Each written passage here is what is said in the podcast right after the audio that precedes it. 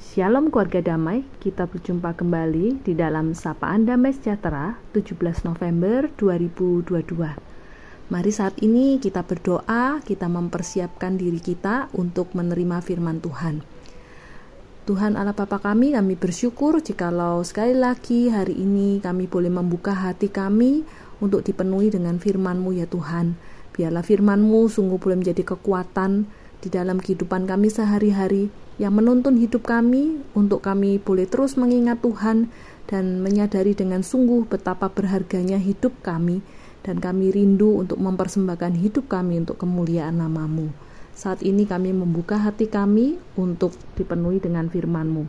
Di dalam nama Tuhan Yesus kami berdoa. Amin.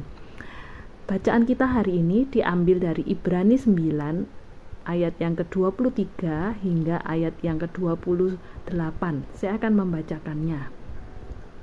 Jadi, segala sesuatu yang melambangkan apa yang ada di surga haruslah ditahirkan secara demikian, tetapi benda-benda surgawi sendiri oleh persembahan-persembahan yang lebih baik daripada itu.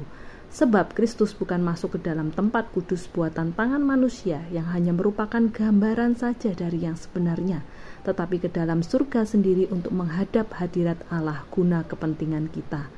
Dan ia bukan masuk untuk berulang-ulang mempersembahkan dirinya sendiri, sebagaimana imam besar setiap tahun masuk ke dalam tempat kudus dengan darah yang bukan darahnya sendiri. Sebab jika demikian ia harus berulang-ulang menderita sejak dunia ini dijadikan, tetapi sekarang ia hanya satu kali saja menyatakan dirinya pada zaman akhir untuk menghapuskan dosa oleh korbannya. Dan sama seperti manusia ditetapkan untuk mati hanya satu kali saja dan sesudah itu dihakimi, demikian pula Kristus hanya satu kali saja mengorbankan dirinya untuk menanggung dosa banyak orang. Sesudah itu ia akan menyatakan dirinya sekali lagi tanpa menanggung dosa untuk menganugerahkan keselamatan kepada mereka yang menantikan dia. Demikianlah bacaan firman Tuhan pada hari ini. Keluarga damai terkasih, renungan Samas pada hari ini berjudul persembahan korban yang sempurna. Apa yang menjadikan persembahan korban oleh Kristus itu menjadi sebuah persembahan yang sempurna? Di dalam bacaan kita hari ini ada beberapa kelebihan atau keunggulan yang dilakukan oleh Tuhan kita Yesus Kristus sebagai imam besar perjanjian. Yang pertama adalah dia masuk ke tempat kudus yang bukan buatan tangan manusia, yakni surga di ayat yang ke-24 dikatakan demikian. Tidak seperti imam besar perjanjian lama yang masuk ke tempat atau kemah kudus buatan tangan manusia. Yang kedua dikatakan pada ayat yang ke-25 bahwa Kristus masuk ke tempat kudus tersebut dan mempersembahkan korban pendamaian satu kali untuk selama-lamanya. Tidak seperti imam besar perjanjian lama yang harus melakukannya berulang-ulang kali untuk mempersembahkan korban tersebut setiap tahun. Yang ketiga, dikatakan di ayat yang 25 dan 28 bahwa Kristus mempersembahkan dirinya sendiri, yaitu darahnya, sebagai korban pendamaian dan bukan darah domba atau ternak seperti biasa dipersembahkan oleh imam besar perjanjian lama.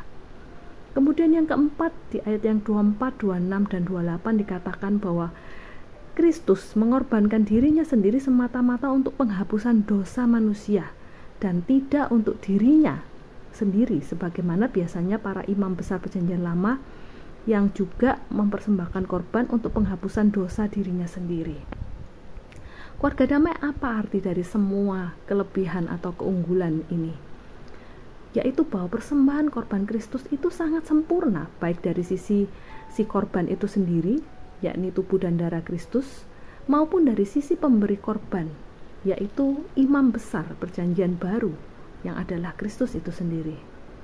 Implikasinya adalah bahwa penghapusan dosa dan keselamatan yang dianugerahkan bagi umat Tuhan sesungguhnya begitu sempurna, berlaku untuk semua zaman, baik pada masa sekarang maupun pada masa yang akan datang. Pengorbanan Kristus sungguh sempurna, demikian juga dengan keselamatan yang diakibatkannya. Sungguh sempurna, jauh lebih sempurna daripada yang dilakukan oleh imam besar dan persembahan kurban di masa perjanjian lama. Menerobos batas waktu maupun juga wilayah ataupun geografis dan berlaku untuk semua dan sampai selama-lamanya. Dengan kata lain, kesempurnaan ini menjadi jaminan atau pegangan pasti bagi kita, umat Tuhan, bahwa mereka pun akan menjadi bagian dari kesempurnaan yang dimaksud. Keluarga damai bagi sebagian orang persembahan korban Kristus ini mungkin dianggap biasa saja. Hanya meneruskan apa yang telah lama dipraktekkan oleh imam-imam besar perjanjian lama sebelumnya. Namun bagi orang Kristen masa kini, yang pada waktu itu sedang mengalami, eh, maaf, bagi orang Kristen yang berada di dalam masa-masa awal yang waktu itu mereka mengalami penganiayaan dan berada dalam keputusasaan karena berbagai tekanan. Penegasan tentang Kristus sebagai imam besar dan korban pendamaian sempurna sangatlah berarti. Karena hal ini semakin memperkokoh iman mereka kepada Kristus di tengah-tengah masa-masa penganiayaan ataupun badai kehidupan yang melanda mereka saat itu. Dengan adanya peneguhan ini, orang percaya ditantang untuk tetap mempertahankan iman mereka kepada Kristus. Mereka semakin bertumbuh, mereka terus menuju kedewasaan iman dan tidak lagi mau kembali kepada kehidupan lama. Keluarga damai yang terkasih dalam Tuhan. Begitu dalamnya karya pengorbanan Kristus. Begitu mulianya imam besar kita yang berkorban demi keselamatan manusia dan bukan untuk sekedar dirinya sendiri. Karena itu keluarga damai betapa kita tidak bersyukur dan bersuka cita ketika kita mendapatkan keselamatan yang begitu sempurna karena pengorbanan Kristus. Memang benar bahwa di dalam kehidupan kita kita tetap mengalami ada begitu banyak tantangan, ancaman, bahkan godaan yang setiap saat bermaksud untuk menjauhkan kita dari Kristus. Namun sudah seharusnya kita pun menjadi anak-anak Tuhan yang kita mau terus tetap berdiri teguh.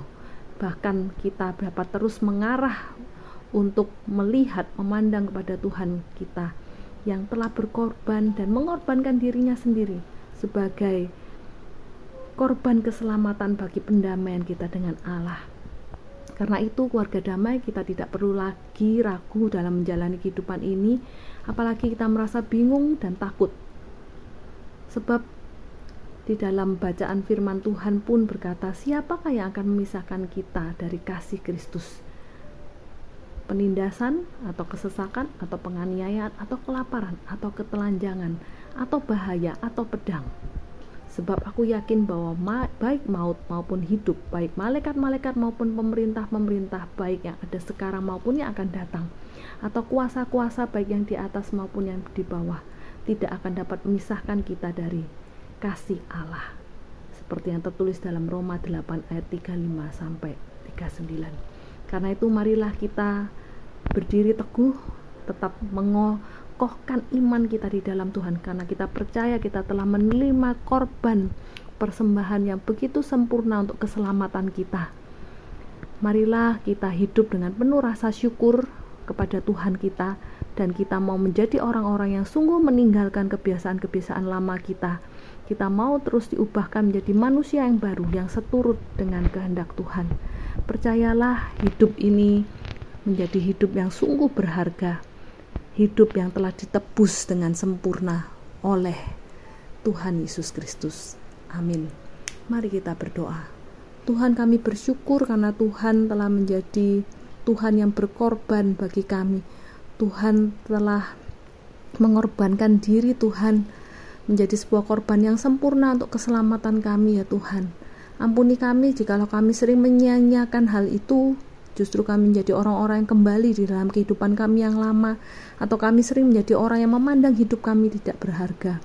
Tuhan saat ini biarlah iman kami boleh kembali dikuatkan, disegarkan, bahwa kami diingatkan bahwa ada Tuhan yang begitu mengasihi kami, yang telah mengorbankan segala-galanya untuk menebus hidup kami. Tuhan yang telah berkorban dengan begitu sempurna, sehingga kami dapat diselamatkan dengan sempurna, dengan seutuhnya. Tuhan, biarlah hidup kami sungguh boleh menghidupi keselamatan yang dari Tuhan. Di dalam nama Tuhan Yesus kami berdoa.